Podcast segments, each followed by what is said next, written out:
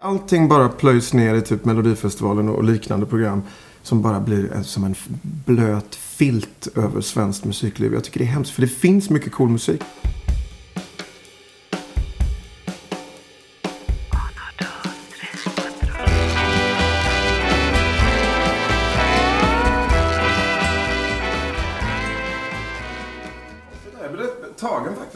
Bauer dog. Ja, men liksom, vissa är man... Jag kan bli så här... Ibland är man, man inser liksom att man har vuxit upp med... Jag vet inte, kanske Bob Marley. Tage Danielsson minns jag att man blir lite såhär, åh Ja. nej. Men just sådär på personligt plan så känner man fan Bauer har varit med hela tiden. Vilken jävla sorti alltså. Att man arrangerar sin, sin avfärd på ett sånt liksom. Hej då, här är en låt. Videon. Då börjar vi då. Eh, välkommen hit Daniel. Tack så mycket. Det är ju Jag spelar för livet och vi, eller jag, träffar musiker och artister som eh, lever för det här och har hållit på länge och som har bra stories att berätta. Och Marcus Källström, han sa bara du måste ju prata med pappa Di, han, han kan prata i tre dagar. Ja, det finns en del. Ja, Det finns en del att ta på. Ja, precis. Så att, eh, men jag brukar ta lite snabbfrågor och sen kör vi. Och så får vi se var vi hamnar. Och när vi blir trötta, då stänger vi av. Bra. Eh, Så vi börjar. Namn, Daniel Wahlgren, eller alias Papadi. födelseplats. Född i Göteborg. Det här med yrke, artist och DJ har jag satt på dig. eh, Men du har massa andra saker som du håller på med också. Nej, alltså, alltså, jag, jag, jag blev signad när jag var 20 år. Eh, Jag behövde inte skicka runt demos. Eh, Jag blev signad först till Telegram Records och ganska snabbt blev jag signad till stort engelskt skivbolag, Arista. Clive Davis kom över från Amerika, alltså legendarisk skivbolagssnubbe, signade mig till Tio. Eh, Så jag, jag, det, där första momentet gick, gick väldigt lätt. Jag var järnhandlare under tiden som jag gjorde lumpen. Jag är också den, en av de få musikerna som har gjort lumpen som jag känner. Vad gjorde du för lumpen då? LV6, jag var luftvärn. Först gruppbefäl och sen var någon konstig, blev degraderad till någon spaningssnubbe. Så vi sprang omkring och fika på massa ställen Ja. runt om. Men, eh, och, ehm, men eh, DJ har varit väldigt mycket och jag har ju jobbat för radio. Så, så någonstans journalist, eh, jag vet inte riktigt. Vill man vara journalist? Men jag, jag gjorde mitt P3 Rytm. Och sen jag gjorde jag även några dokumentärer och sådär. Jag har dabblat lite grann i att, i och med att jag är sån nörd och, och letar och samlar musik. Så känner jag att jag, eh, jag har velat presentera musik och, och, och sådär. Eh, Så att det, journalist i någon form kan man väl också tycka. Och programledare, du hade ju ett fantastiskt reseprogram. Pappas kappsäck, ja. Ja, det var faktiskt otroligt häftigt. Eh, sex stycken program. Eh, som sen inte riktigt... Det var ju min egen idé och min egen pilot. Tillsammans med Elvi Wallin, en, en, en SVT-människa i god vän till mig från Malmö. Eh, det blev inte mer än sex program för vi hamnade mellan massa stolar. Vi var inte riktigt politiskt förankrade i härliga incestuösa och nepotism eh, eh fulla eh, SVT. Så att eh, alla tyckte det, det, det fick ju så bra recensioner. Det var faktiskt, är det är jag väldigt stolt för, för det kommer fortfarande fram folk väldigt ofta och minns det här programmet. Mm. Och det säger väl en del både om att det var bra men också hur fruktansvärt illa det är ställt med public service vad gäller musik. Alltså, när, när allting satsas på den här idiottävlingen. Liksom. Varenda cent plöjs ner i den här östeuropeiska helvetes... Ja, nu ska vi inte ondgöra oss över det. Jag har Nej. själv varit med. Ja. Men eh, det är ju lite därför vi gör det vi gör här. För att vi tänker att eh, alla andra som kanske inte vill vara med, eller får vara med där. Men eh, de måste ju också få... Eh, folk måste ju kunna få upptäcka dem också. Och det känns som att du har gjort det också. Du har varit ute och visat folk att den här musiken finns och lyssna på det här. Och det har du gjort fantastiskt bra. Eh, du var en av de första som man kände till när man... Du har varit på TV sedan man var liten liksom. Mhm. Och alltid... Första gången jag såg det var med Stonefunkers. Var det Macarena Hjulström eller? Bra program. Det Ja. var så här. Svenska band, spela live och så var det hej, vad, vad gör ni och tack. Så här. Men det är så enkelt. Det finns inte längre. Det finns ingenting. Nej. De- här hemska idiotprogrammen lägger sig som ett täcke Mm. över allting. Och jag tycker det, det är så orättvist. Och det det måste vara... Det måste vara så svårt att vara ett nytt band. Vad, har man, vad kan man visa upp sig någonstans? Det, det, alltså, till och med TV4-morgon hade ju flera gånger i veckan förut och det är nästan borta. Och, och det finns inget sånt där enk, enkelt Top of the Pops-program. Menar, hur svårt är det att ta ett, ett 45 minuters program, presentera utländska videos och det här lilla svenska och någon kör en plagg och någon står och mimar. Eh, Inget. Det, det, allting bara plöjs ner i typ Melodifestivalen och liknande program. Som bara blir som en blöt filt över svenskt musikliv. Jag tycker det är hemskt, för det finns mycket cool musik. Och, då, och då ser man ju också hur mycket som är bra i Sverige är stort utomlands. Och liksom på både underground-nivå och liksom, så- men, men får aldrig en chans i några medier och det är verkligen katastrof tycker jag. Ja, det är katastrof. Ja. Det är därför du och jag sitter här nu. Det är en av Ja. anledningarna faktiskt för att eh, man blir så förbannad. Ja, men det måste vi prata om, Brooklyn Funk. För att ni är ganska stora utomlands, men här i Sverige är det liksom ingen som vet. Inget alls. Det är verkligen konstigt för det är så mycket svensk anknytning, speciellt nu. Eh, Och Latte Kronlund är son till Leif Kronlund. Och hans orkester som är den, det äldsta storbandet. Ja men det är verkligen, eh, det är jättekonstigt. Men vi, vi, vi bryr oss inte. För, för vi, det är så mycket sköna territorium som vi, vi spelar överallt. Singapore, jazz, vi har spelat de flesta stora jazzfestivaler i världen. Sydafrika, New Orleans, Singapore. Liksom alla Nice och Antibes och alla såna här gamla europeiska. Men här, vi har i och för sig spelat Stockholm Jazz Festival på 90-talet. men För 90-talet, det, det har hållit på så länge med det här. 93. Det är vår femte platta. Bandet är jävligt bra. Vi spelar ju på Ronnie Scotts nu i januari. Det är ju sån jävla så här historiens vingslag och spela då. Det var utsålt efter tre dagar. Ja, du vet så här. De släppte biljetterna innan jul. Vi spelar 20 januari. Det var slut. Vi spelar så sällan. Vi har spelat Camden Jazz Café några gånger och det har varit så här utsålt. Och så nu spelar vi Ronnie Scott som är ännu mindre. Så det var liksom så här folk som hade bokat biljetter i Manchester. Det, var, det var fullt och folk, personalen sa folk har aldrig dansat här förut. Utan alla sitter ner. Eh, så otroligt jävla... Och så fick vi skitbra recension i Blues and Soul. Jag hade så här stor hatt, en stor röd hatt. Och så, hade, och så hade jag en speciell typ av glas. Alltså fan, eh, så stod det skitbra. Både jag och trummisen var de som blev utpekade. Liksom så här, fan. Ja, men så här, bra charismatic. Men så, som var en blandning mellan Gregor Isaacs och Ali G. nej, nej. Vad är ditt första musikminne? Eh, oj, eh, nu vill man gärna säga något coolt sådär att man, att man bara liksom... Jag minns i och för sig, det som jag verkligen frös på, det var, det var verkligen när, när man lyssnade på... Eh, mamma var, lyssnade mycket på musik. Eh, och eh, jag tror att hon rattade in Radio Luxemburg och sådär. Så att... Eh, det, är lite singlar och sånt som ligger hemma. Det är liksom Beatles-singlar. Sådär... Och det är även lite grann som man hör på radio. Men det som jag känner att det här gillar jag. Det var tror jag när jag hörde Toots and the Maytals Famine, en låt. Jag vet inte om det var från utländsk... Eller, eh, vi var ganska mycket i England när vi var små. Så jag, jag fick ju liksom en viss... Av olika anledningar. Och jag hade att göra med min pappa som jobbar på ambassad. Och någonstans försök mamma, mamma hålla kontakten. Eh, det, det är lite fragmentariskt. Det är singlarna hemma.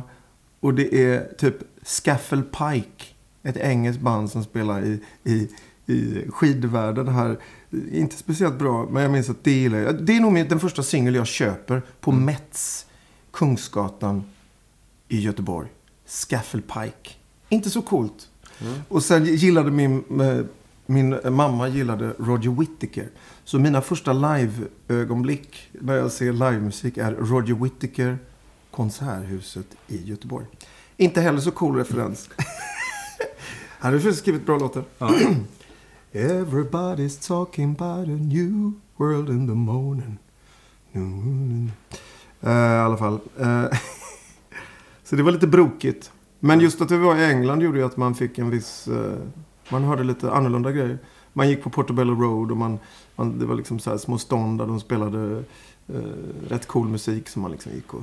Var det där du blev den här musikprofessorn liksom du ändå är? Liksom? Du har ju koll på... Och det är inte bara liksom vad man då kan tro hiphop och reggae. Allt nästan. Ja, nej, nej det, det, jag tror folk har någon, konstig, någon miss, missuppfattat det där. Eh, Alltså jag, eh, jag är väldigt bred i min musiksmak. Men det är klart, jag har varit, jag har varit mer obsessiv med kanske reggae speciellt. Mm. Eh, jag menar, jag gjorde så här fanzines i början på 80-talet. Och Det var ett fa- fanzine som heter Dread Music. Där vi skrev nördiga recensioner. Det här var ganska smörig reggae. Tredje spåret var tungt. Sådana recensioner. Mogna recensioner. Mm. Eh, nej men det, det är väldigt mycket London och det är väldigt mycket en äldre bror. Det är väldigt mycket Radio Luxemburg. Radio Luxemburg och Radio One lyckades vi ratta in och lyssna på lite så här spe, specialprogram. Och min bror som är sex år äldre, han var väldigt duktig på att läsa blues and soul och han köpte väldigt mycket av den här tidiga reggaen på Island. Han köpte mycket det här liksom Eh, 70-tals Burning Spear, eh, tidiga Marley eh, och hela den här grejen. Så att jag fick en ganska gedigen...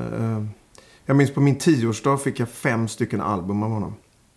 Som var bara, fortfarande tycker jag är några av de bästa albumen någonsin. Liksom. Best Dressed Chicken in a Town, Dr. Alimentado, Lee Perry, Super Ape. Heptons Party Time. Och så en samling på Island Records som hette This is Reggae Music. Som också var så här för tiden fan, fantastiskt.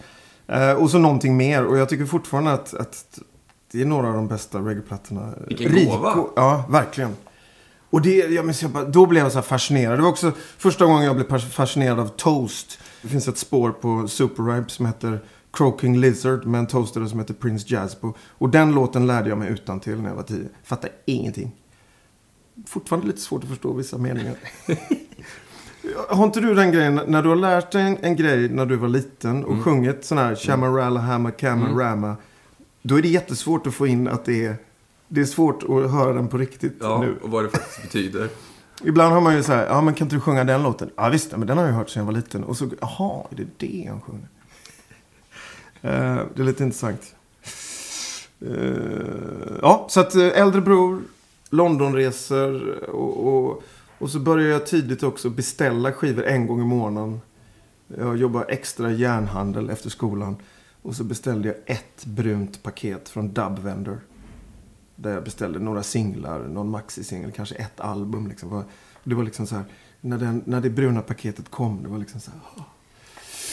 Och så hade de också skickat ut en liten booklet varje månad som var någon slags massa recensioner på skivor. Så där fick jag väldigt mycket min, eh, min grundutbildning i underground reggae. Liksom. Eh, både smakmässigt och så här info och liksom olika... Det var en bra skola, tack Dubvender. Fanns det fler i din umgängeskrets som också var så här som du kunde sitta och nörda tillsammans med? Eller var du ensam i det här? Eller var det du och brorsan som höll på? Det var nog mycket. Jag tror, jag tror min bror också var lite isolerad. Jag, jag tror att han, han tog med mig och såg Bob Marley när jag var liten pilt. Han tog mig till så här svarta eh, soulfilmer, typ Car Wash och sånt. För inga av hans kompisar ville följa med. Så då var det två bruna barn som eh, försökte söka någon slags... Eh, I efterhand så ser man något så här, någon slags psykologi. Att man söker någon slags... Försöker hitta någonting som man är lik. Man försöker hitta några role models. Och det var ju musiken för oss. Så jag tror att han var ganska isolerad i sitt lyssnande. När jag blev tonåring så var det, hade jag faktiskt eh, en, en kompis som bodde i närheten och som gillade reggae. Så vi nördade ner oss Mm. ordentligt. Men jag minns eh, klassfester när jag spelade. Jag minns vi hade, jag spelade så dubbpoesi med Mutta Baruka. På någon slags, i åttan eller nian hade jag med mig. Och då var det så här pingstvänner i min klass som liksom, nej vad är det? Vad är det här djävul? Är det här djävulsbesvärjelse eller? Vad är det här för voodoo-musik? Så. Så att eh, isolerad var jag nog ganska mycket. Alla lyssnar på Runaways och Kiss. Och jag lyssnar på Mutta Baruka. Så att, eh, Fan vad härligt. Mutta Baruka och min bror hade väldigt bra smak. Det var verkligen så här Hall Oates, eh, T-Rex. Eh, ja, men liksom, bara, bara det bästa inom rock och pop och mycket Roxy Music, David Bowie naturligtvis. Eh, sådär, så det, det, var, det, var, det var ganska bra hög. Eh, som jag, jag kladdade sönder hans skivor och skrapade dem. Och den sex år äldre brodern jagade mig i lägenheten. Men det var det värt. Lillebrorsan. Ja. Med kladdiga fingrar. Vad hände sen då? Började du DJa först eller startade du band med folk? Vad kom först? Eh, ja, jag tror att... Det, jag tror det började jag lyssnar väldigt mycket på en viss typ av... Det finns live-kassetter från Reggae Sound System. Kallas bara Sound System-kassetter. Väldigt dåligt inspelade. Men eh, ofta var det engelska reggae-fans som lyssnade på jamaikanska för att veta vad som hände på Jama Jamaica. Jamaica var ju fortfarande då isolerat och långt bort och väldigt så här, mytiskt. Och man hörde om de här olika eh, ställena där folk smällde upp sina soundsystem. Eh, och alla de här legendariska Gemini och alltså eh, mytiskt långt bort. Och det var, det var så här, åh. Så man lyssnade på de här kassetterna och fick någon slags inblick i den här dansholkulturen då på, här vi snackar tidigt 80-tal, liksom, första hälften av 80-talet. Sen så, sen så började det poppa upp väldigt mycket. Det blev väldigt populärt och brett med engelska soundsystem. Och då var det väldigt, då kunde jag relatera väldigt mycket. Då var det liksom soundsystem som Saxon speciellt. Som är en av mina största inspirationskällor vokalt. Eh, och det, det, hela den här fast style speed rapping grejen kommer från den här engelska 1983-84. Eh, Papa Levi, Smiley Culture, Ashes Senator. och det började jag lyssna på. Och sen så i, i samband med det, jag minns jag gjorde en lång artikel i Dread Music om, om Saxon Sound System och Fast Style och Speed Rapping. Men då började jag och redaktören, Mattias Valdén som han hette, som bodde i Stockholm. Så började vi skicka, vi började så här små battla. Skickade kassetter. Där man liksom så här, så härmar man ganska mycket och så var det så här, man försökte vara lite tuff och skicka och så. Mm. Så hade vi lite battles. Det var så det började. Och, så, och jag diskjockade också på en, en, en, afrikansk klubb i Göteborg. Det var en, en trevlig marockansk... Alltså, afrikansk... De vill inte höra en massa tung reggae som jag spelar. Så jag minns att jag, jag stod och spelade liksom så här Black Uhuru och tunga grejer. Som man gör när man är omogen 16-17-åring. Liksom. Och så kom det fram eh, afrikanska gentlemän som liksom Du spelar bara bajs! Var en av de första discjockey-recensionerna jag fick. Woho! Men jag tyckte det var bra. Men just där, nej det var bra många kvällar. Jag spelade också, jag blandade friskt. Och det fanns ett gäng med skivor som man kunde använda också, inte bara de som man tog med sig. Där stod jag och gjorde mina första, jag stod och härmade Yellowman typ bara exakt rakt av och stod i discjockeybåset. Det var lite så här. Och så, så, jag tror att den bästa recensionen var att ingen märkte att det var någon som gjorde något. Utan de trodde det var en skiva. Liksom. så jag fick fortsätta.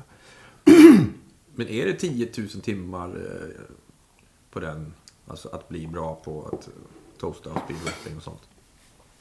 Ja, ganska mycket. Jag, jag satt ganska mycket och skrev och tränade. Alltså först härmar man. Mm. Sen så gör man varianter och sen börjar man bli lite originell. Ungefär samtidigt så gick jag med ett lokalt reggaeband. Ett band som eh, hette Sockerbit, men sen blev Beat about the bush.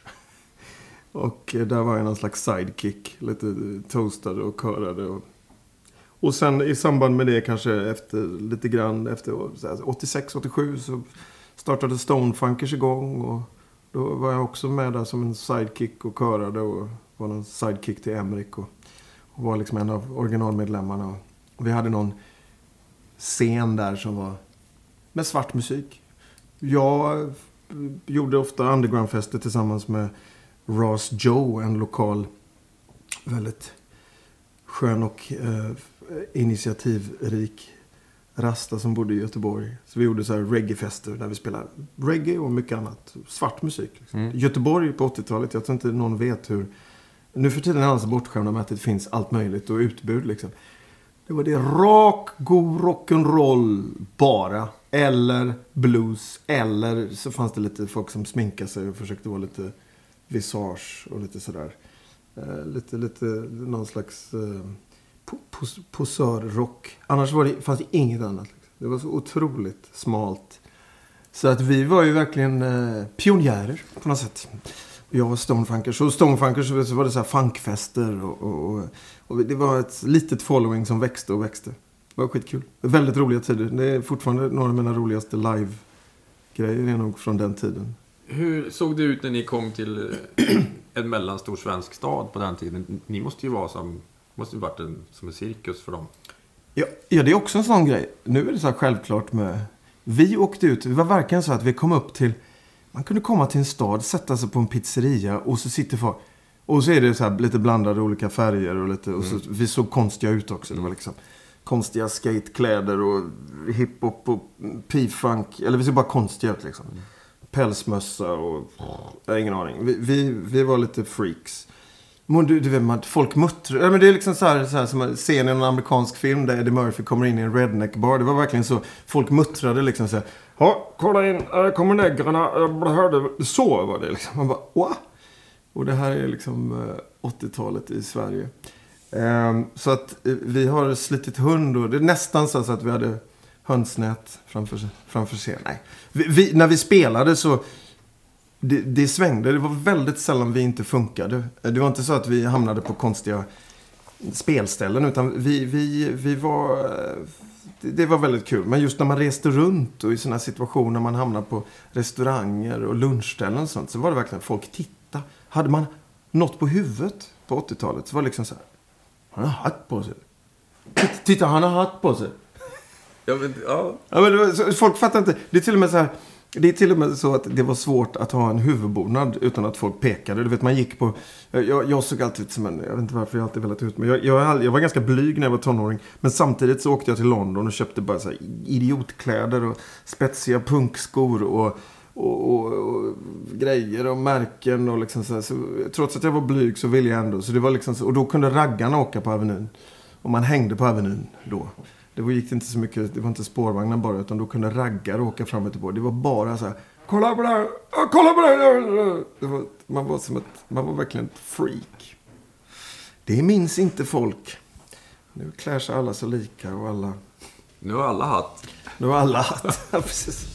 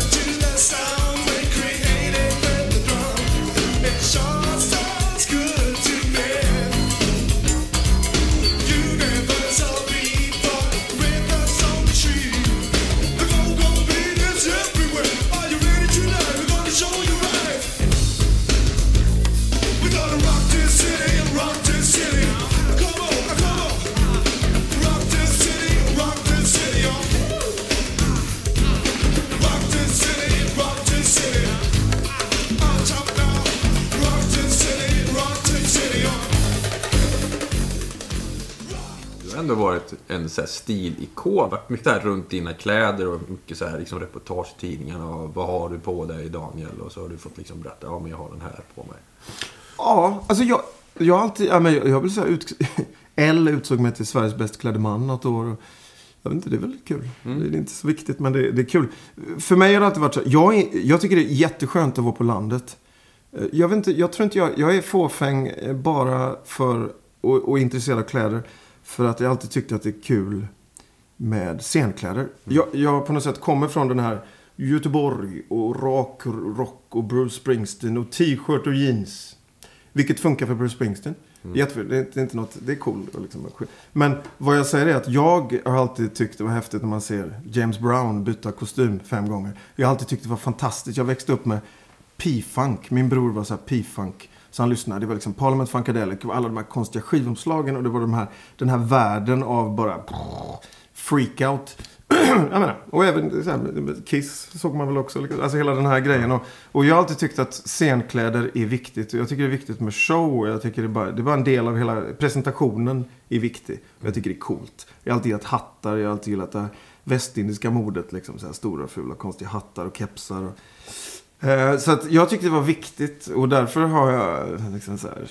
Jag gillar att gräva second hand och liksom alltid försökt åka till London och hitta ful, hattar och åka till marknader i Brixton. Och, eh, sådär. Eh, så att jag älskar att vara på landet och trycka i mina fötter i mina härliga tretorn-leriga stövlar och inte bry mig. Men samtidigt är man på scen så tycker jag det är viktigt och då tycker jag dessutom lite kul och, och, och liksom här, ge, ge något. Det är en del av showen. Liksom. Mm. Nej, men det är bra. För att det, jag tror att det, det man ser, det hör man också på något sätt. Att om man ser att de som är på scen har, de har bytt om i alla fall innan de gick upp på scen och inte har liksom gympabrallor och liksom t-shirt då. Ja. Ser ut som de jobbar på Shell. Ja, men det, det, det. Då blir man så här, fan det här är på riktigt liksom. Ja. Ja. Jag tycker presentationen, skivomslag, det är därför jag gillar Mm. album. Det är liksom så här... Det, det, det, det är en hel presentation liksom. Man gillar mat, en tallrik som ser fantastisk ut. Man gillar inte fast food utan man gillar en slow food, vinylplattor och snygga scenkläder. Ja, det är bra.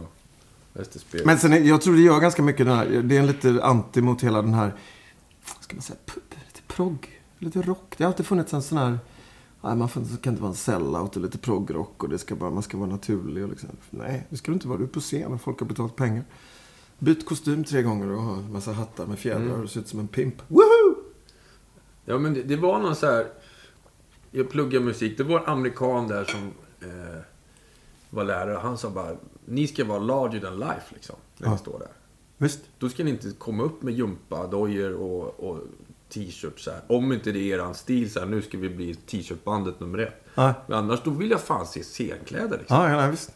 Ja, och det, jag menar, det gäller ju även äh, grunge, även om det var, verkar vara en... Det är ju en antigrej, men det är ändå en viss medveten... Det är en medveten en, en grej som passar... eh, Ja, det är en estetik som passar det som, den perioden och det som sades. Och, eh, ja. ja, det är viktigt. Undrar Och det är kul. Jag tycker Ja. det är kul. Det, När tror du att det kommer tillbaka? Grunge-modet, när alla börjar ha eh, page igen och... du menar flottig page? Ja, förlåt. page. Flottig page och, Ja, jag vet inte. Har det inte kommit tillbaka lite grann? Är det inte, kanske- är det inte stora skägg och lite... Ja, lite nu lite är det koftor och- stora skägg och snedbena. Är det inte det som Ja, det är- kanske... Ja. Jag vet inte. Jag tycker det, jag tycker det, jag tycker det är kul. Jag, jag, jag tycker det är skönt, alltså, även om man inte kan relatera till någonting. När man ser kids nu, så här, sköna hipster-kids som är så här, oj, vad fan, ja du där. Kofta, smala, smala byxor, så, sånt. Så gigantiskt, jag är en schweizisk fåraherde-skägg. Det, nej, det är coolt.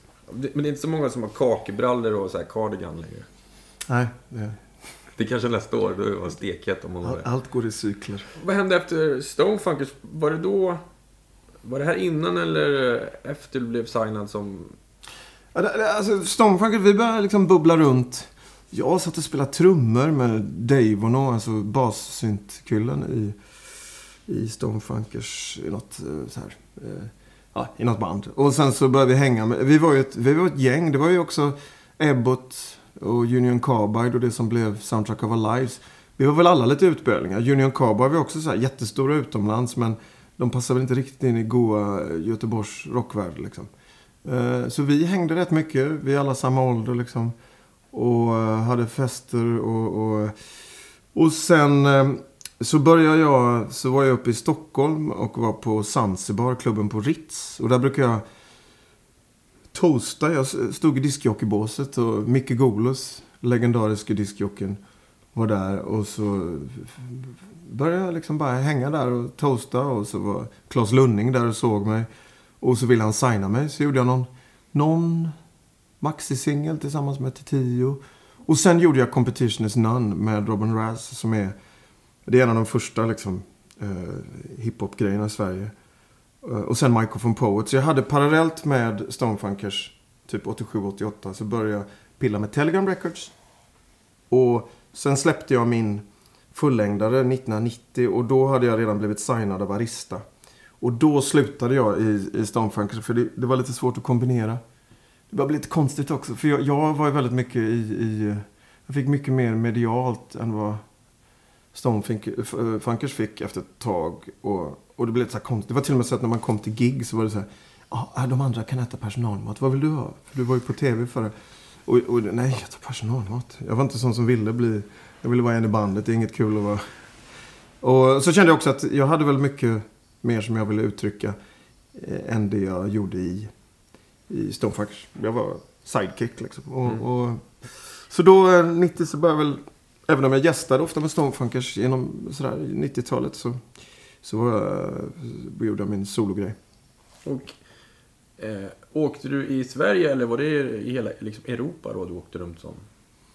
Ett tag var det väldigt mycket, när jag blev signad i det här stora skivbolaget så var det väldigt mycket promotion överallt. Alltså att man, man åkte runt på skivbolagsgrejer över hela Europa. Eh, eh, Eh, ja, nej, visst, man gjorde gig lite här och var. Men det var väldigt mycket Sverige och Norden där. 89-90. Då var man ju liksom så här popkille verkligen. Det var ju liksom först, första vändan av hiphop i Sverige. Och någon slags reggae-hiphop, hiphop. Sådär, så att man fick ju vara väldigt mycket representant och prata om det här nya fenomenet. Jag var så trött på det. Tjatades. Alla, alla skulle... Det var ingen det är det värsta som finns när en, en, när en journalist inte vet något och, och ska fråga. Men du, det här med graffiti. Och jag är inte ens speciellt involverad i graffiti. Så man, men man fick ändå sitta och svara på alla frågor. Så det var lite... Och det var cool. Jag var spokesperson i början liksom. Och sen, sen så blev det även på svenska och Latin Kings. Och då lättades det för mig. Och sådär. Men eh, åkte du med band då eller åkte du och körde på micken liksom? Först körde jag... Jag körde nog någon runda först med ah, Robin Razz. Någon liten sådär grej kanske. Jag, Leila K, Robin Razz och D-Flex gjorde någon liten sådär. Jag tror vi gjorde någon sån här... Eh, något som kallades Nordic Beat. Det var Swemix och liksom eh, Stonebridge och alla de här diskjockeysarna. Plus lite av deras artister. Plus jag och mm, Leila K. Och... Sen vet jag att Leila K ballade ur någon gång så jag fick ersätta någon liten turné för henne. Jag fick liksom eh, göra tio gig åt henne när hon blev fast i Amsterdam. Jag minns inte vad det var, men något hände i alla fall. Sen ganska snart började jag pilla med band. Alltså 89 vet jag att jag spelade första gången med mitt eget band. Då var det Rockis som nu spelar med Tåström, bas, Muttis på trummor. Som också var rytmsektion åt Dileva. Eh, vi började spela. Satte ihop ett band och live och försökte liksom eh, jobba mycket med samplingar och sådär som var på plattorna och försöka kanske behålla lite av den här någon slags hiphop och beatvärld men ändå spela live. Vilket kanske funkar då, jag vet inte. Det brukar bli ofta krystat när man försöker blanda grejer som loopar och en maskinvärld. Jag tycker live ska vara live på något sätt tycker jag. Mm. Men eh, ja, nu hörde ni jag drömde mig bort. Hur var det egentligen? Hur lät det? Nej men eh, sådär, så att i början av 90-talet så började jag köra med band. Jag körde också en turné. Eh, min allra första turné när jag hade släppt min platta. Då hade jag eh, två extremt vackra amerikanska dansers. Det var liksom fem dansare hade jag då. Tre killar, alltså streetdansare. Och så hade jag um, Delers Ikone. Kajos bror. Som var DJ Rockski som var en av de första hiphop, eh, liksom katt, bra eh, liksom så här hiphop diskjockeysarna eh, i Sverige. Och han, eh, ja, det var bara. Jag och dansare och liksom, det, det var ju reggae hiphop så det funkar väl liksom. Fast jag, jag fick ganska snart mer känsla för band och spela live liksom. Det är ju det man gillar. Mm. Och ska man göra den här grejen, sound system och stå och toasta, rappa till jag tycker man ska göra det från ett discjockeybås. Det, så det är så konstigt när man... I början på, eller på 90-talet så var det ofta så att man såg någon stor hiphop-akt och så var det liksom, ja, två snubbar som lufsade omkring och tog sig i skrevet. Och det är bättre att man gör det i ett discjockeybås tycker jag. Liksom. Det, det är en mer naturlig plats. Det är liksom så här, hej mår ni bra där ute? Ja. Det är en MC liksom. Står Ja. liksom och, men att stå på en scen och liksom bara... eh, det blev lite krystat ibland, tycker jag. Det kan jag hålla med om. Ja.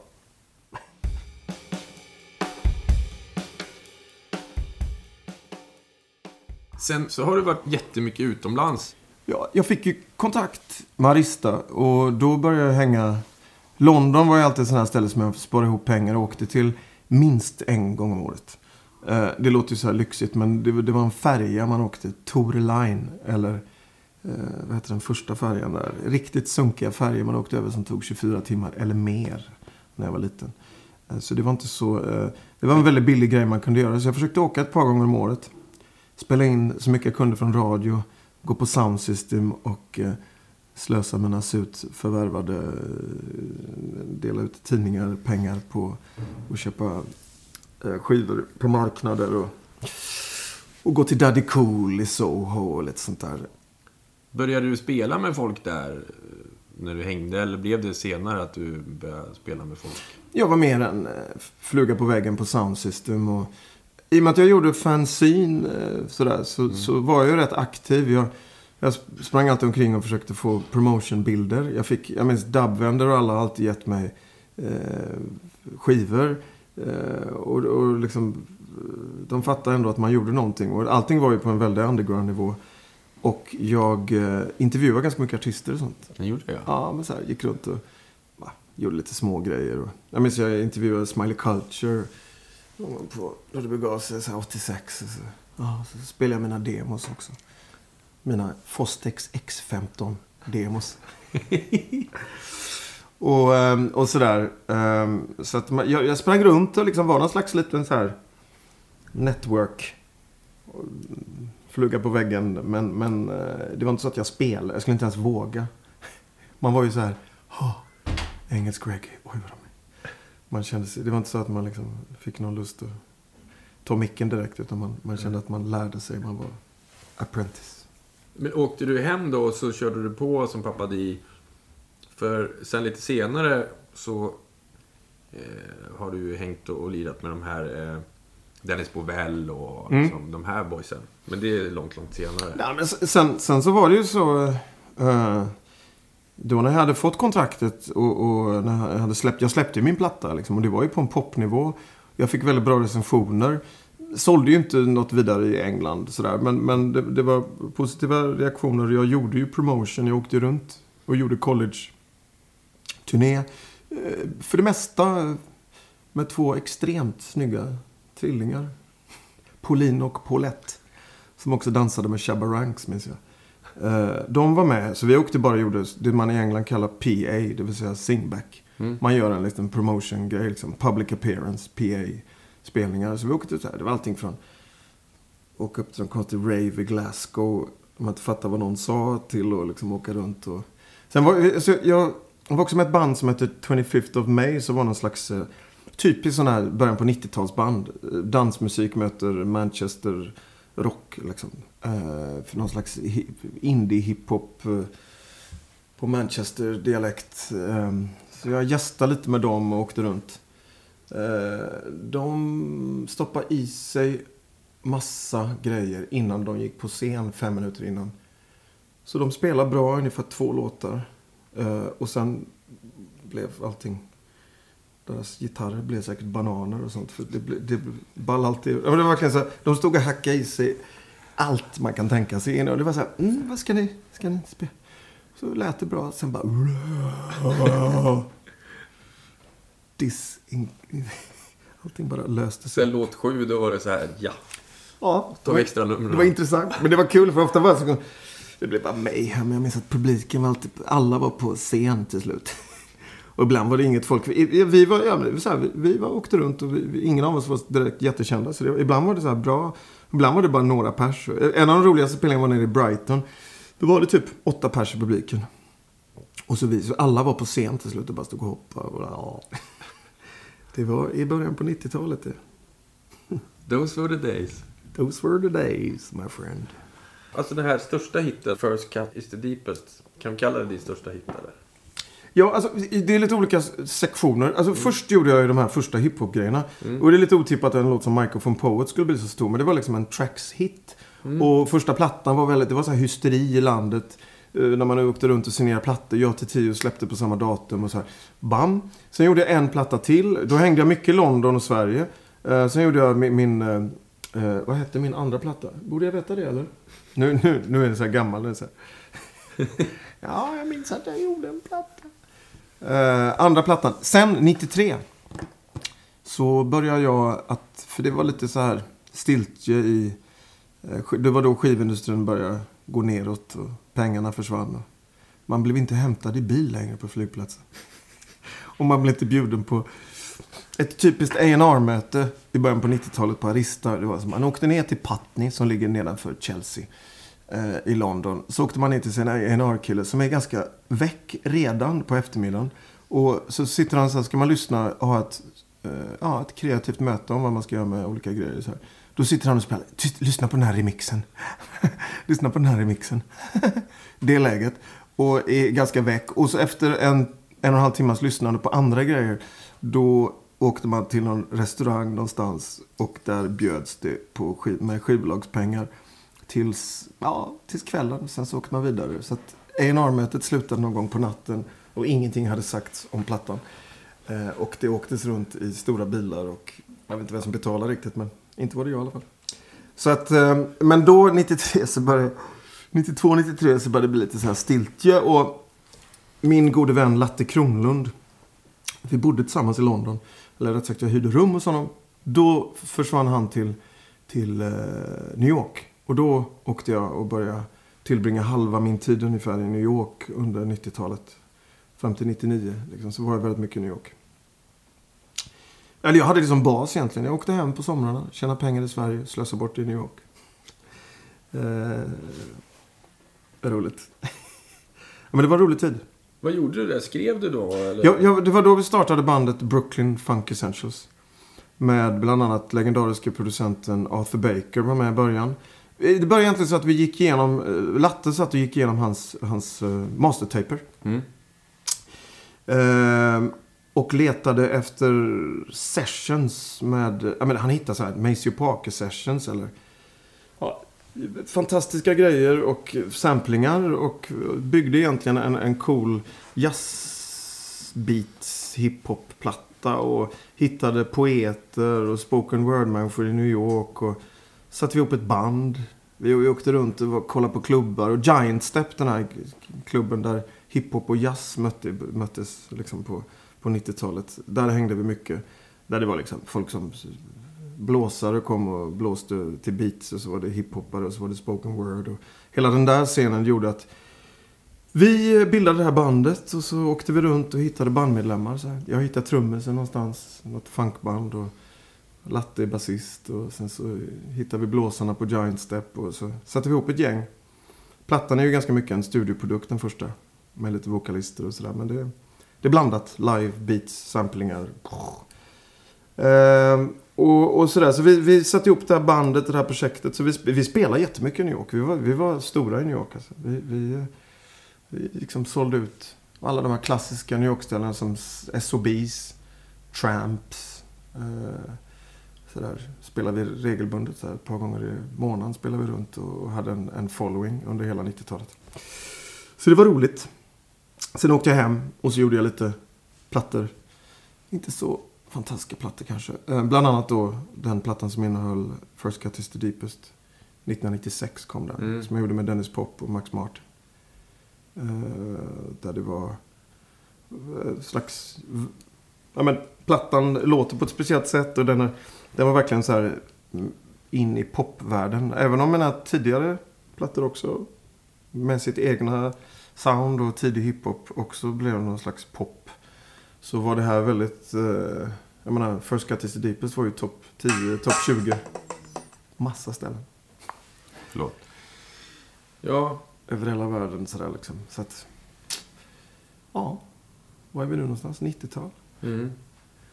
Ja, men jag, jag gjorde ju platta 93, 94, 96. Det var det min fjärde platta. En, två, tre, fyra. Sen gjorde jag 98, och så gjorde jag Island Rock-plattan. Så jag stadigt vartannat år släppte jag väl plattor då. Och samtidigt gjorde jag ju Brooklyn Funk. Vi har, gjort, vi gjorde, precis- vi har precis släppt vår femte platta. Så att 90-talet var liksom en, en slags eh, jonglering mellan Brooklyn Funk och mina egna grejer. Och ge- Ja. geografiskt åkte man fram och tillbaka.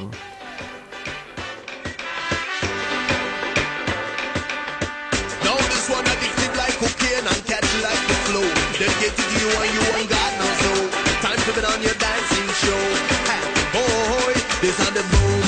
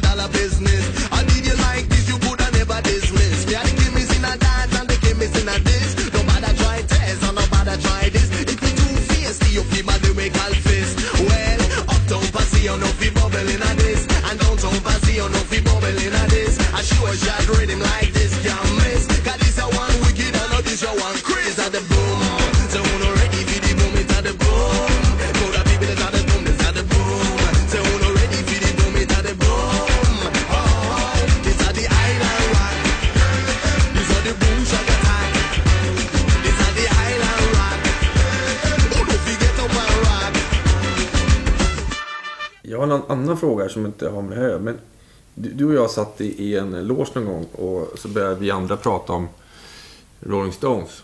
Och du var så här, ah, men jag brukar hänga med Keith Richards. Eh, så här, eh, och vi andra var vi så här riktiga Stones, eh, liksom mongo, Så vi var så här, ah, men du, du, du får inte skoja nu Daniel. Liksom, du bara, nej, nej, men det är så här.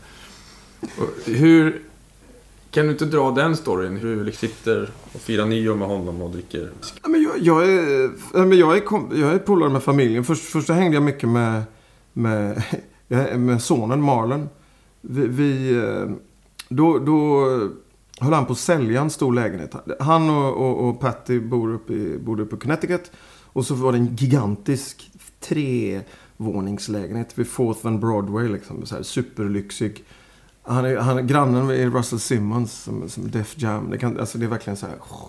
fantastiskt. Men ganska ur möbler, ganska mycket borta. Så att där bodde Malin och en av mina absolut bästa kompisar. En galen irländsk kvinna. Så där, eh, där brukade vi hänga hela tiden. Och sen så var det så här, så här på 90-talet man bodde där så gick vi på spelningar och så fick man hänga.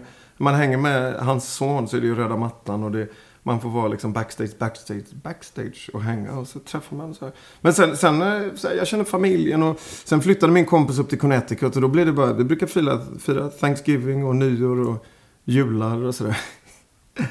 Och eh, Keith är ju gammalt reggae-fan och jag älskar New Orleans musik så vi har jättemycket gemensamt och han är världens skönaste snubbe. Alltså. Det, är verkligen, det, det är verkligen bra häng alltså.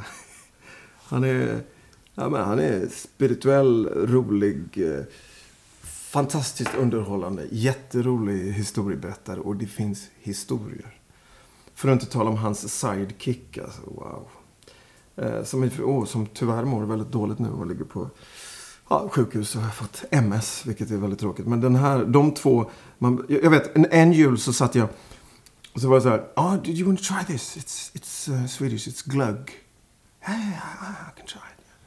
Så, jag hade med mig två blossar som jag satt. Och så började jag liksom bjuda dem på blossa. Och sen satt jag bara, oh, I like this, yeah. Så vi delade på det. Och jag satt så här i två timmar och bara lyssnade på de skönaste, som ingen har hört historier, som man bara kan tänka sig från båda de här gentlemännen. Det var roligt. eh, och sen, eh, ja men det är så här, han spelas, ja men det, är- det är fantastiskt. Det är otroligt kul att ha den connection med honom. Han är en, en true original. Eh, och sen, ja. Nej, det finns mycket historier. Är han också en sån där samlare som du som så samlar på skivor? Ja. Han är också så här, han älskar ju, han älskar reggae. Och så han, han kan liksom höra av sig till mig så här, så här. "Äh, du vet den här plattan. Han har en jukebox, hört till saken, som är fantastisk. Och den låter grymt. Och det brukar vara så här dansparty på Thanksgiving nere i källaren till den här jukeboxen. Men då är det vissa så här reggaeplatser man har haft som man inte, han vet att jag kan få tag på allt. Jag vet ju liksom, jag, jag, jag vet vad man ska leta om man ska, om man ska hitta någonting. Så han kan höra av sig ibland liksom, du vet den där. Kan du, tror du kan hitta den liksom? Så får jag liksom gräva och skicka till Connecticut. Så jag är kunglig hovleverantör till Kit Richards av reggae 7-tummare. Nej men det, det, det, har varit, det har varit otroligt kul. Eh, och familjen är så här. Blandning av väldigt konservativt och väldigt galet. Och, och jävligt kul. Men vad, sitter ni och snackar musik då bara eller? Nej, alltså eh, det är... Ja, nej, det är... Vi pratar allt möjligt. Det är väldigt mycket politik och religion och allt möjligt. Det brukar bli ganska skönt och djupt. Jag var nere på Jamaica och firade hans NIS 50-årsfest nu förra våren. Då satt vi och spelade domino och drack vodkadrinkar. Och gjorde annat. På eh, stranden i liksom sju dagar. Också supercool. Undvek alla kokosnötspalmer. Ja, just det. Ja, men för fan.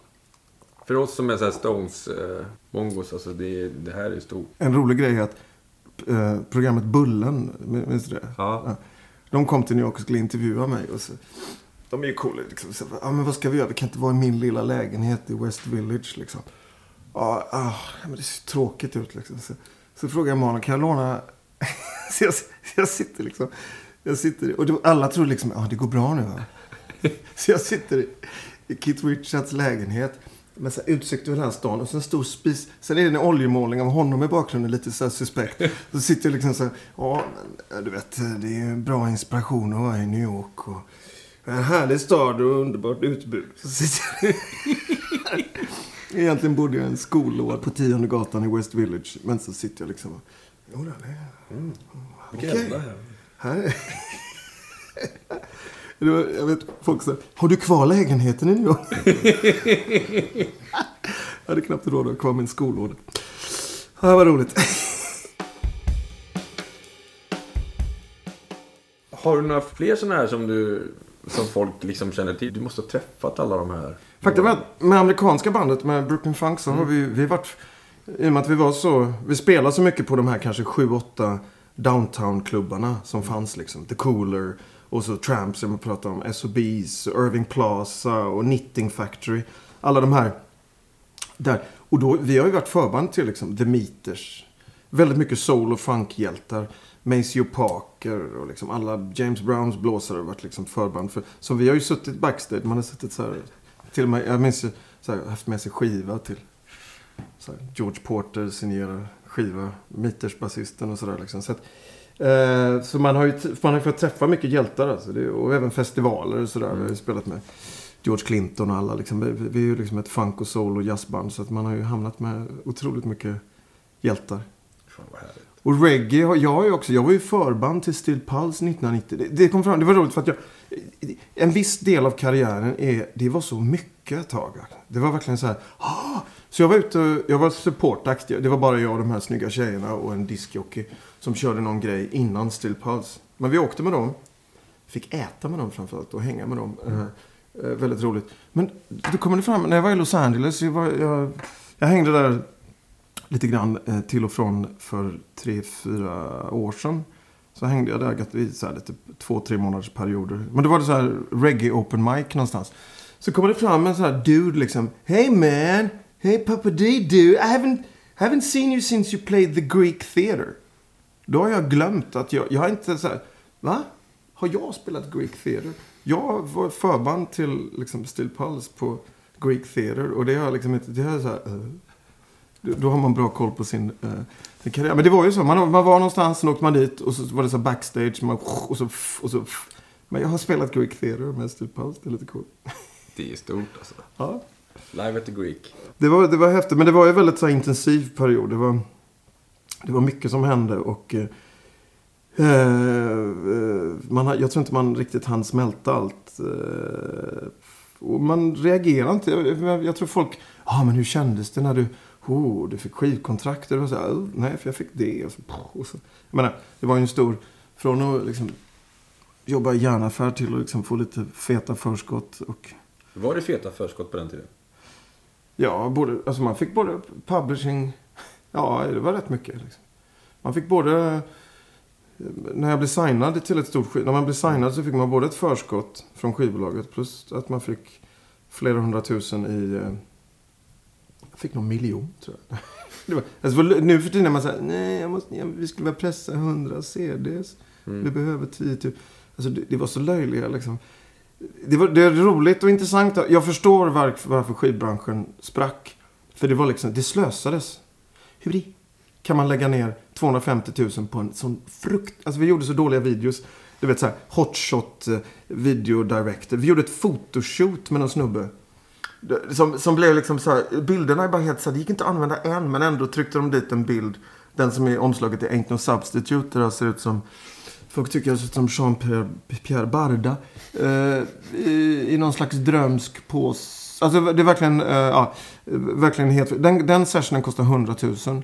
Och alla videos kostar så här 200 000. Och det är så här, det är det sämsta jag har sett. Alltså, våra underground-videos är ju mycket bättre och mer kreativa. Det slösade så mycket pengar. Man fick, innan man skulle göra en platta fick man ett par hundratusen så att man skulle kunna inte behöva, så man skulle kunna leva och ha det skönt liksom. Man, och nu sitter man så här, åh, kunde, man inte, kunde man inte hushållat lite med? Eh, så att det var en helt annan, och man förstår verkligen så här, eh, skivbranschen slösade, slösade, slösade. Utnyttjade konsumenterna, eh, behandlade inte konsumenterna väl, bla bla bla. Så det, det är inte så konstigt det som har hänt, hände.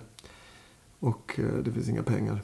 Men nu är de ju uppe och tjänar pengar igen på eh, olika streamingtjänster och sådär. Ja. Alltså de stora skivbolagen.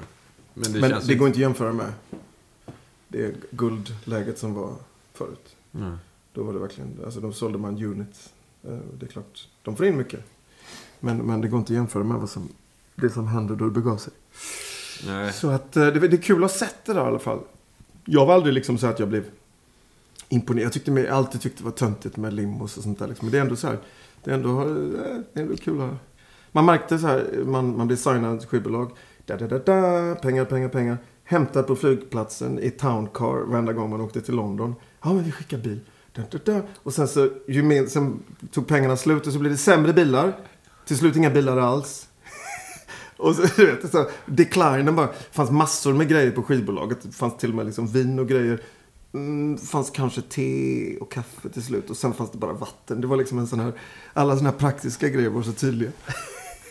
Men det har, väldigt, det, det har varit kul att ha sett båda delarna liksom. När det fanns pengar och det inte fanns pengar.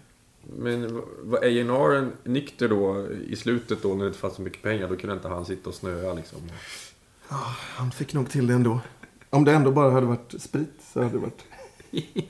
Det var väldigt hög volym och väldigt snabbt prat. Så to På de mötena. Fan vad här, ja. det, det är väldigt få andra branscher där det är så. Alltså alla branscher har, jag reflekterar över det ibland för att det, det är en väldigt, nu för tiden skulle det inte funkat. Du vet, om man ser eh, filmbranschen, modellbranschen. Alla var helt väck förut. Och det är ingen, ö- det är ingen över, alltså det är så här, det spelas in filmer, du vet. eh, Det är inte bara skrönor utan alla gick på allt möjligt. Och på något sätt så lyckades jag. Vet, jag, jag gjorde filmmusik när jag eh, var i New York. Så jag och min, min polare David Barrett. Vi gjorde en Robert Downey Jr-film Jr film som hette Film. Så är det. Film. Robert Jr. Downey Jr. Ja. gjorde en film som hette Two Girls and a Guy. Där gjorde vi en hel del av soundtracket. Och då, eh, liksom, det var så här, ja ni, ni, ni, ni får vara med lite fester och ni får träffa alla skådisar. Det är inte så bra betalt. Så en av perksen var liksom att man fick träffa. Så jag skulle åka och ha ett frukostmöte med Robert Downey Jr. Och då är det så här att eh, han var ju, han ballade ju ur efter, han var så här superlovande och gjorde den här Chaplin och hela. Sen så bara, "Hö!" Så han kunde ju inte få filmroller. Så han gjorde den här filmen som var ganska smal men som fick lite så här priser på lite obskyra ställen och lite så här. Palmer i Nice och lite sånt där. Eh, men, eh, så det blev en ganska bra film. Men då, då var det, då, ja men han så jag skulle gå upp och knacka på hans dörr. Då står det två stycken gigantiska svarta snubbar utanför. Inte som bodyguards, utan de ska se till så inte han går ut i New Yorks natt och ballar ur. För att i kontraktet, alltså han får inte lämna rummet. Han får liksom inte, New York är liksom, det var det ondaste stället. New Yorks nattliv på den tiden liksom. Det var bara så. Så att eh, det, var, det är bara intressant att se hur alla de här branscherna funkade. Trots att alla var helt fucked up. Liksom. Arthur Baker berättade liksom, du vet så här. Satt upp i studion och det var liksom alla möjliga droger och folk fick utbrott och kastade trummaskiner rakt in i, i, i, i mixerborden. Och, alltså, och, och mycket så här historier från tidig så här hiphop och R&B liksom. Alla de här gängen. Så, du vet, det kom in 20 pers och liksom bara hade party i studion. Och nu är det verkligen disciplin i alla branscher. Och är det någon som inte som är lite urballad och lite crazy, då är det liksom... Oh, det går inte att jobba med honom. Och folk blir svartlistade. Och liksom. det, är bara en väldig förändring alltså. Mm. Från 70 och 80-talet. Och nu är det bara så här... Ja, det är klart. Mycket pengar. Försäkringar. Jag har ingen aning. Men tror du att det blir en annan kreativ, eh, eller liksom blir det ett annat resultat? Blir det bara så här, så Excel, att allt är uträknat, eller blir det tråkigare tror du? Eller blir det bättre? Jag vet, jag vet inte. Det, det, man ska inte men någonstans, så det, det finns ju... Man kan, all, man kan inte förneka genom århundradena att det finns en viss kreativ kraft genom en viss typ av eh, eh, droger eller... Eh, men kolla poeter, författare, målare. Eh, det är mycket som har kommit till genom att folk har kanske gjort någon slags mind expanding eller bara bedövat sitt chatter och kopplat av. Det är väl ett faktum. Liksom.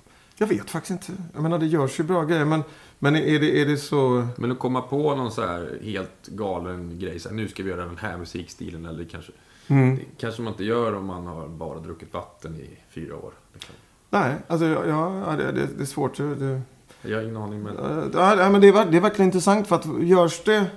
Mm, ja, jag menar, och sen having said that, det är inte så att, det är inte så att folk inte håller på nu för tiden. eh, eh, sådär. Men, men i allmänhet eh, så är branscherna mer, mer, mer städade, men, men folk, folk håller på. Och eh, det, det, det är intressant hur mycket det påverkar och vad som är orsak och vad som är verkan. Och, och sådär. Och Jag tror det är ganska individuellt och sådär. Men det finns ju väldigt tydliga exempel på folk som verkligen har börjat skapa efter de har Mm. trippat eller vad de nu har gjort. Eller. Ja. Vad är det bästa gigget som du har sett? Svårt alltså. Jag, jag- jag måste väl nästan säga att, att eh, det är svårt att säga. Jag var ju 12 år. Men jag måste säga att det mest fascinerande gigget, jag, som jag fortfarande bara sitter, det, det måste ju ändå vara Bob Marley. And the Wailers. Fast jag är så liten och jag, då, då tror jag vilket gig som helst. Jag har nog inte sett så mycket gig. Förutom Roger Whittaker Mm. med mamma. Jaha. Klubbscenen i New York där, där såg man ju mycket häftigt. Jag, jag såg Roger Troutman och Zapp till exempel. Mm. Eh, jag har sett The Meters i väldigt bra form. Jag har sett eh, Larry Graham i fantastisk form. Eh, alla de här gamla hjältarna, Roy Ayers och där som vi spelar med, eller bara så här JB's eller Maceo Parker och sånt där. Så det där har ju varit väldigt fantastiska gig. Jill Scott Heron såg jag på 90-talet. Sittande framför sitt elpiano. Och det var häftigt. Ganska, han var redan då, hade haft någon hjärnblödning och var lite, halva sidan var lite slapp. Men det, det var starkt. Jag, jag vet inte, jag, jag, jag kan inte riktigt så här. Jag har sett väldigt mycket och jag har varit på...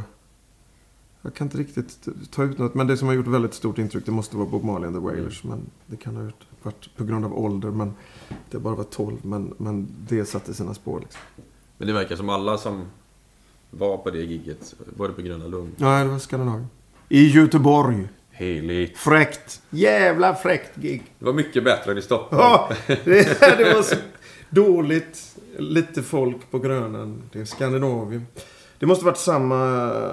Ja, det måste varit samma gig, ja. Först, precis. Mm. Samma år, antar jag. Jag pratade med Desmond Foster här för några dagar sedan. Och vi kom väl kanske fram till att vi trodde att Bob Marley är den största artisten om man frågar alla om du måste ta en liksom. Mm. Då tror jag att de flesta kanske kommer ner till honom på något sätt.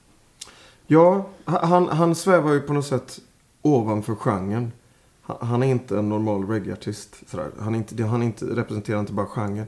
Utan han är verkligen någon slags universell, fantastisk låtskrivare. Och fantastisk. Alltså, att skriva så mycket musik med budskap. Det är svårt att skriva politiska texter utan att det blir töntigt eller skriva folk på näsan. Det är otroligt tidlös, spirituell. Både musikaliskt och, och textmässigt så är det verkligen i en klass för sig. Så att jag, jag förstår det att folk, och också alla länder. Det finns, du kan åka till, vissa grejer är, ja men rock funkar inte där. Eller, där gillar man inte sånt. Och hiphop funkar, men, men reggae och Bob Marley, det funkar i alla världsdelar. Och är stort i alla världsdelar över hela världen. Liksom. I alla världsdelar över hela världen. det är väldigt viktigt. Ja, det är väl så här. Kill you dead, det är samma grej. Men alla vet ju vem det är nästan. Om du visar en bild så här, det här är Bob Marley. Ja. ja, han är nog den mest... För det måste vara tungt för de andra reggae-artisterna. Det är Bob Marley, sen kommer ingen. Sen kommer ingen, sen, sen kanske... Ja, Burning Spears. Liksom. Dennis Brown. Dennis Brown. Eh, ja, jag, tror- nej, jag tror inte någon tänker så. Jag tror alla hade väldigt, alla hade väldigt stor respekt för honom.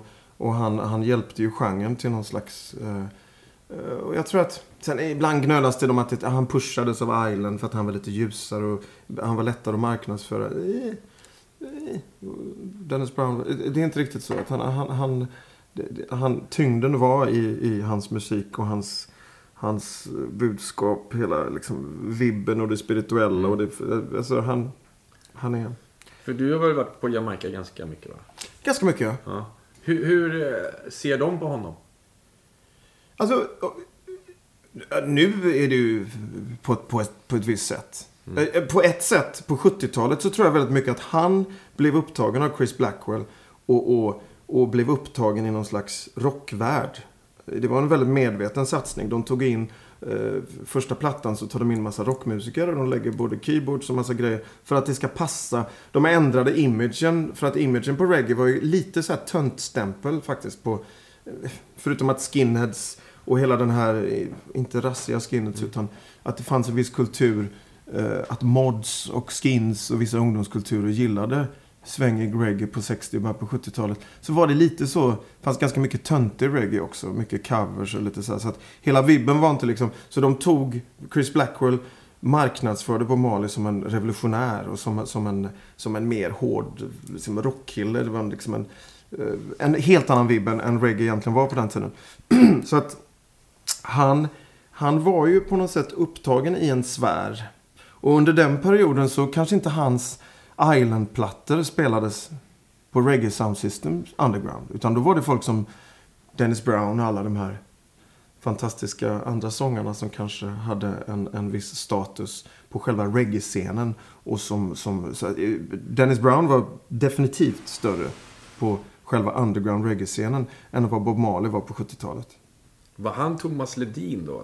Om man ska dra jämförelse. Jag tror aldrig han var tönt, utan det var, det var inte det. Utan han var liksom, han var borttagen och var superstar. Eh, och hans grejer, han har ju haft sin grej på 60-talet på Marley. De var ju liksom producerade av Lee Perry och, och de gjorde sina grejer för Studio One och de spelades på Sound System och hade massa hits på Jamaica. Men sen så tror jag att hans Island-plattor spelades inte då, tror jag, på Hardcore Sound System. Utan det var nog lite glossigt. Men jag tror att det fanns en väldig stolthet från reggae-världen för att han... Woho, liksom. Eh, så att, så att det, fanns, det var nog inget negativt. Men, men, eh, men gick du på Coxon eller Jashaka på 70-talet så kanske det inte var så här jättemycket Bob Marley. Ja, vad, vad jag tror. Ja, Alltså samtida Bob Marley. Ja, Alla hans underground-klassiker har alltid varit underground-klassiker. Och de spelas flitigt och så här. Men vilka andra, förutom eh, liksom Dennis Brown, tycker du att man ska liksom, lyssna på om man, om man är ny i reggae? Vad ska man ge sig in i? Ja, alltså nu pratar vi det som kallas klassisk reggae. eh, Vilket man, alltså det, guldåldern för reggae tycker väl alla är 70-talet på något sätt. Eh, och, och det, det är väl det, ja, klassisk reggae. Och då finns det ju, då är det Dennis Brown framförallt. Delroy Wilson är en fantastisk sångare, väldigt soulful. Alton Ellis är helt magisk. Burning Spear, som också var signad av Chris Blackwell, också hade en väldigt internationell karriär. Johnny Clark. Det finns väldigt mycket bra artister och det, det gjorde så mycket. Men det var en, den här lilla ön. Att de producerade så fantastisk musik. Och det är inte bara det att de gjorde reggae utan eh, de ligger, reggae ligger och den här lilla ön och deras studioteknik ligger ju även till grunden för eh, eh vad ska man säga, remixer. Och hela den här discjockeykulturen och Okej, när man började i New York så fanns det en kille som hette Tom Moulton. Han gjorde de första extended-mixarna. Han gjorde sju minuter av Do It Till You're Satisfied med funk soul-gruppen BT Express. Då gjorde han, för discjockeys var frustrerade. De hade sjutummare eller album och så satt de och spelade. Och de var så tre minuter långa. Folk gillar låt, då kom man in i en groove och så tog låten slut. Han kom på det att man ska göra dem längre. Så man gör längre trumintro. För oss är det helt naturligt att låta att det finns dansmixar nu. Men han åkte ner till Jamaica.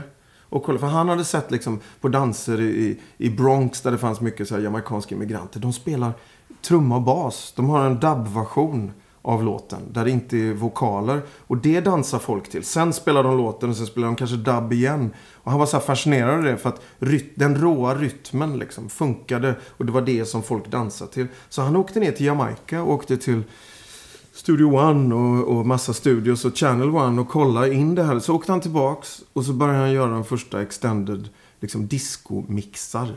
Mycket funk och soul från, från liksom mitten på 70-talet och framåt. Legendarisk liksom. Så här. Och sen så började alla fatta och haka på. Och så blev det hela den här disco-grejen. Och sen så blev även hiphop som också kommer på något sätt från reggae. Att folk pratar över beats och versioner och instrumentaler. Liksom. Så att den här lilla ön har gjort så fantastiskt mycket för, för, för musik. Och skapat Ligger bakom liksom trip-hop, hip-hop. Flesta, mesta liksom moderna dansmusiken. Och, och det, det är en liten skitö i Väster. Liksom. Galet. Men hur är det att vara där när man kommer som uteböling liksom? Ja, alltså... Så här, hej, jag är från Sverige och jag spelar reggae. Vad tycker de om det? Tycker de, åh vad kul, eller bara... Jag, jag var ju där i början på 90-talet första gångerna. Liksom. Jag, jag, jag vet inte. Det, det, det, jag är lite kluven till Jamaica. Det är världens vackraste ställe. Det finns världens mest kreativa, och fantastiska och trevliga människor. Och sen så är det liksom den här... Eh, någon slags frustration på grund av det ekonomiska läget, det politiska läget. Så folk har någon slags... Eh, det kan vara jobbigt att vara där. Folk hasslar en, folk försöker liksom... Eh, Eh, det är mycket så här pengahassling och det kan vara direkt farligt i vissa områden. Man måste veta var man ska gå och var man eh, inte ska gå. Och man, man ska helst ha folk som tar runt en, tycker jag. Liksom. Jag har alltid haft folk i musikbranschen och då är det cool. Liksom. Jag har alltid jobbat med folk som har tagit runt oss och vi har alltid haft guider. Having said that så har jag våran underbara guide som alltid tog runt oss. En lite där, lite musikbranschen. Kunde vara tuff när det behövdes och be folk fara åt skogen han som var vår eh, guide och skulle ta hand om Han blev skjuten i ansiktet på sin mammas veranda i Swallowfield förra året. Liksom. Så att det är, det är lite ruffigt eh, och det är lite jiddrigt skulle jag vilja säga. Och jag blir, man blir så ledsen att det här potentiella paradiset har så mycket problem och att det är så mycket korruption och att, att det numera är så mycket brott och gäng och och, och, och sådär liksom. Men, men eh, hittar du rätt på Jamaica så är det fantastiskt.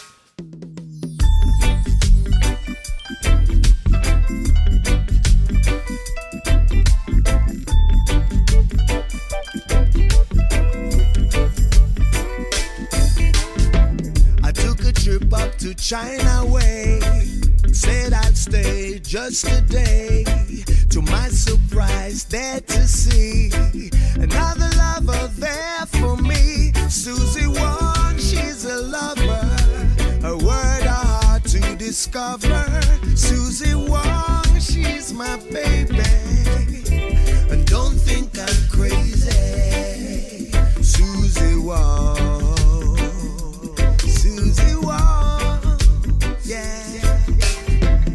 Always follow me wherever I go. Up to the circus or the movie show. I always wonder why she loved me so. But I can tell you only Susie knows. Susie Wong, she's a mystery. First love I ever had in history. Susie Wong, she's my baby. And don't think I'm crazy. Susie Wong.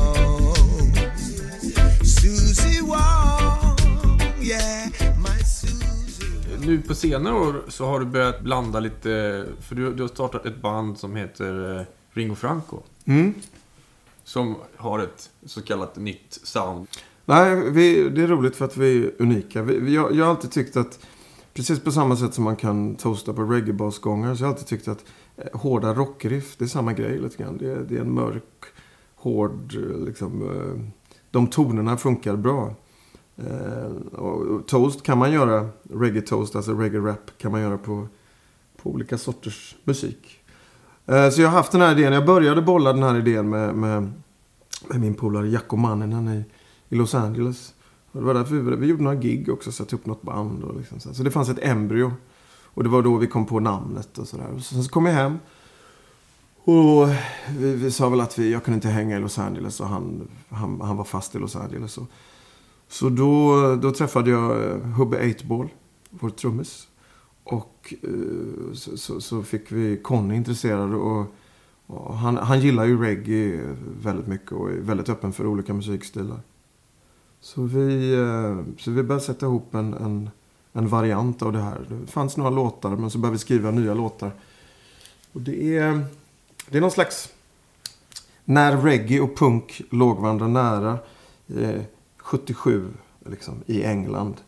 Jag menar alla reggae, alla punkband det, ofta var det så att punkbanden och reggaebanden, samma festivaler och Rock Against Racism. Då var det punkband och reggaeband tillsammans och sen blandade man ju ganska friskt och sen fanns det two-tone. Så det finns någonting i punken och det här lite ruffiga som eh, funkade väldigt bra på 70-talet. För reggae var också revolutionärt och ruffigt på den tiden.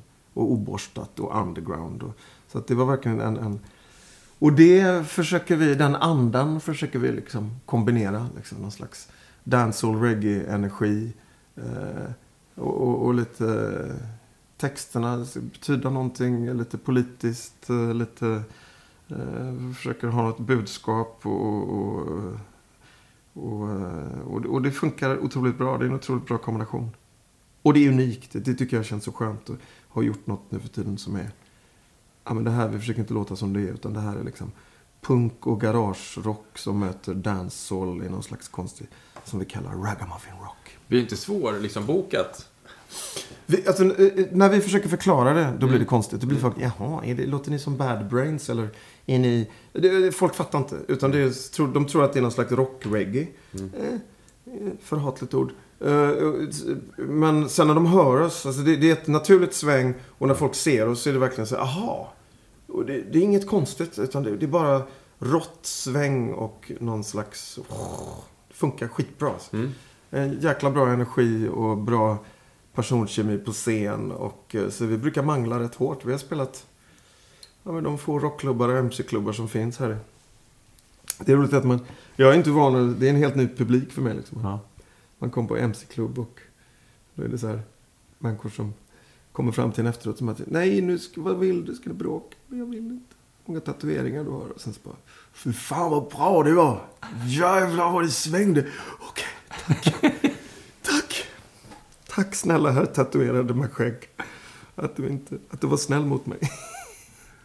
Nej, men det, det är skitkul. Och det, men det är roligt också. Det är, det, är en, det är en rolig publik. Jag har ju haft, man har ju spelat för en viss typ av... Men den här rockpubliken och det här. Det, det, det är mm, en hängiven och verkar väldigt så lojal. Och vi har redan liksom byggt upp en, en, en, i vår lilla värld här på det lilla vi har gjort. Vi har bara gjort två EPs och vi har spelat runt i Sverige. Så har vi byggt upp en bra liksom, vibb och en bra fanbase. Och det, det är kul. Ni, Spelat i London två gånger. Hur funkar det då? Ah, hur bra som helst. London är inte lätt att spela i. London är alltid, alltid lite så här... Mm, jag vet jag gjorde något reggae-gig nere i Brixton. Ja, det var liksom så här. Jag och Daddy Freddy och lite folk och så gick jag upp. Och då är det så här. Antingen buar de. Eller också är de så här. Wow! Det är det bästa och senaste. Eller också är de så här och bara står. Och jag fick så här mittengrejen, vilket är svinbra i London. Nere på Brixton Academy. Och gå upp och köra liksom en toastlåt som jag gjorde så här i början på 90-talet. Innan Daddy Freddy. Och då fick jag liksom en sån här. Ja, men du är okej. Vi står inte och jublar, men det är okej. liksom. Det var så här, Tack. London är inte lätt att spela i. Så vi spelar på en, en klubb i östra London och folk har aldrig hört oss. De ropar in oss här tre gånger och står och sjunger med. Och så man säger, vad, vad hände? Skitbra verkligen. Och de, jag tror, är det någon som fattar den här grejen? Reggae, dancehall möter rock och garagerock och lite punkigt och lite energi så är det England. Och, de texter och liksom jamaicanska dörrvakterna kom fram liksom. Va? Kommer du från Jamaica? uh, uh, så det, det, det är jäkligt roligt. Vi vill bara göra vår fullängdare. Som av olika anledningar är lite försenad kan man säga. Men eh, gode Conny Blom har ju släppt sin eh, svenska soloplatta. Och jag har släppt Brooklyn Funk-album nu i november. Så att vi skyndar långsamt och vi känner att vi har något unikt. Så att eh, det är inte så att vi... Det kommer när det kommer.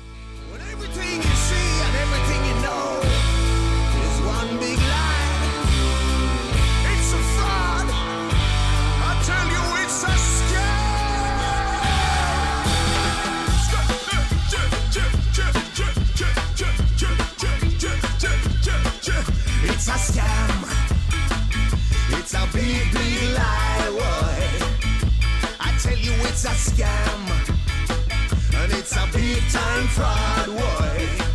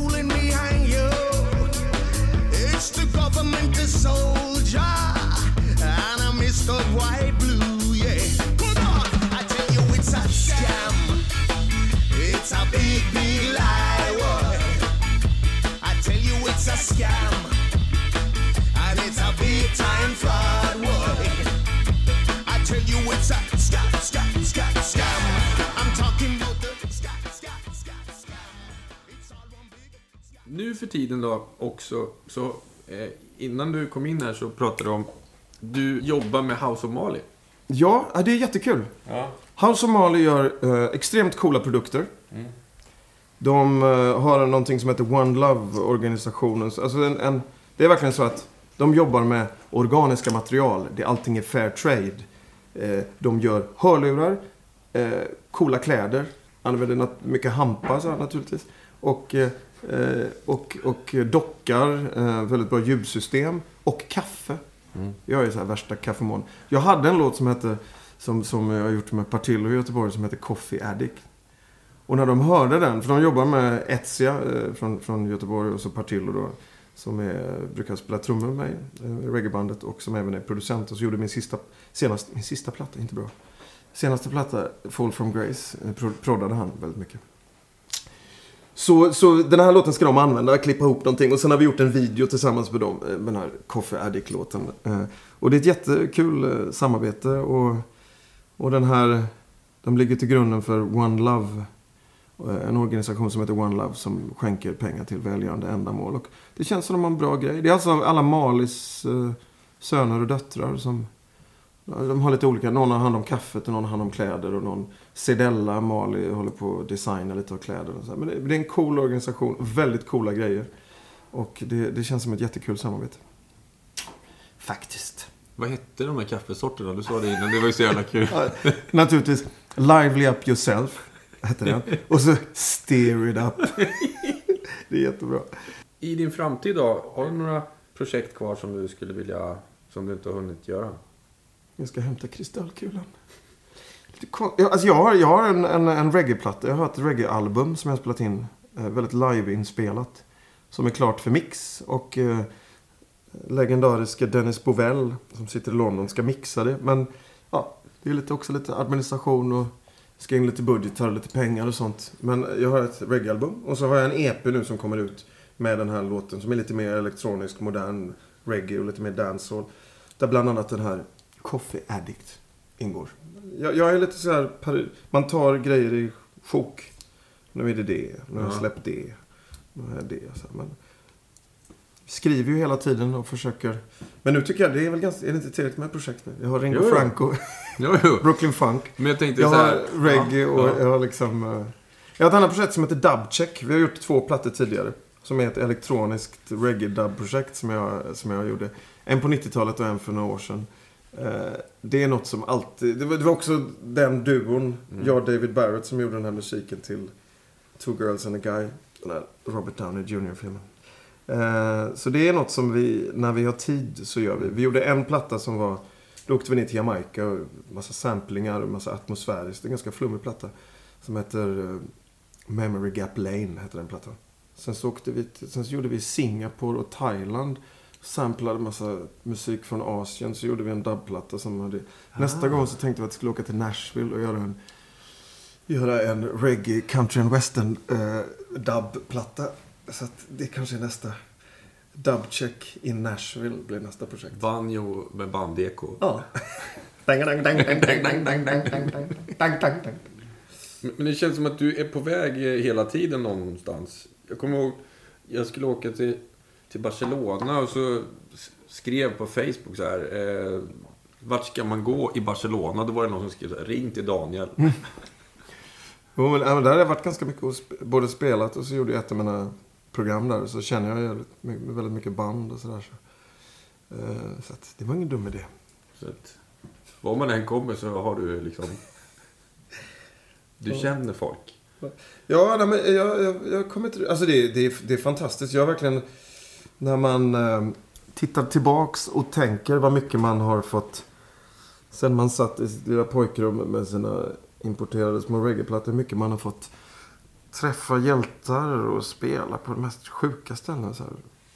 spelat för 60 000 pers i Casablanca på en jazzfestival. Bara helt så här, inte för vi kända det, men jag har spelat där liksom. Och, så här, ögonblick som är... Shit, jag var där. Hur funkar det där då? I kassa, liksom, så här, liksom Marocko komma ner och lira funk? Det, det var en eh, gratiskonsert eh, på ett stort torg. Vi spelade innan en av eh, Fela Kutis söner, Sean Kuti. Och de älskade oss. Jag gick ut så här och så, så visste jag man ska inte säga Casablanca, man ska säga Casa. Så jag gick ut och bara Salam aleikum Casa! Alltså det var sånt gensvar. Det var helt magiskt. Skitkul verkligen. Så. här. 60 000 pers som bara... Och älskade oss. Jag vet inte varför. De, det var någonting som... Vi brukar funka väldigt bra live, Brooklyn Funk Essentials. Vi har, någon, vi har något eh, allmän... eh, Vi har någonting som slår an en klang i, hos folk i, överallt. Liksom. Jag, vet, jag vet inte vad det är. Du var ju till och med med i Smala Sussi som någon sån här slags... Så här, det kom en kändis till våran by och det var du liksom. Just det. Hur fick du det giget? Ja, alltså jag ingick ju i, i skriptet. Så de ringde mig. "Har du- Kan du, vill du vara med i en film? Kan du spela dig själv? Och då gjorde jag method acting och gick in i mig själv. Jag var mig själv. Nej. Men, eh, så jag, jag är bara med i någon liten scen. Och så, sen så ingår jag på något sätt i eh, själva handlingen. Att han, jag är någon slags... Eh, han är fan till mig och han har Ja. en bild som vi... Ja, i alla fall. Ja, men det, det är roligt. Det är kul. Han spikar fast sig själv eh, i golvet. Ja. Men eh, har du några sista ord här innan vi... Sista ord. Ja, Vad kommer att hända när jag går ut på gatan? Ja. Känns jätteläskigt här. ja. Annars vill jag bara tacka dig så jättemycket för att du kom hit. När man sitter så här och pratar så känner jag bara så att man är... Jag är så tacksam att jag har fått betalt sen jag var 19 år för min hobby. Jag har fått betalt för min hobby. Eh, och, eh, och kunnat träffa massa hjältar. Och så jag bara, nu när vi, det känns som att vi, liksom, vi gör en liten genomvandring i karriären. Det känns, det känns eh, satisfying. Jättekul. Och kul att vara här. Tack. Tack. Ska vi ta ett glas kava nu och skala in det här? Woho! Tack Daniel! Tack.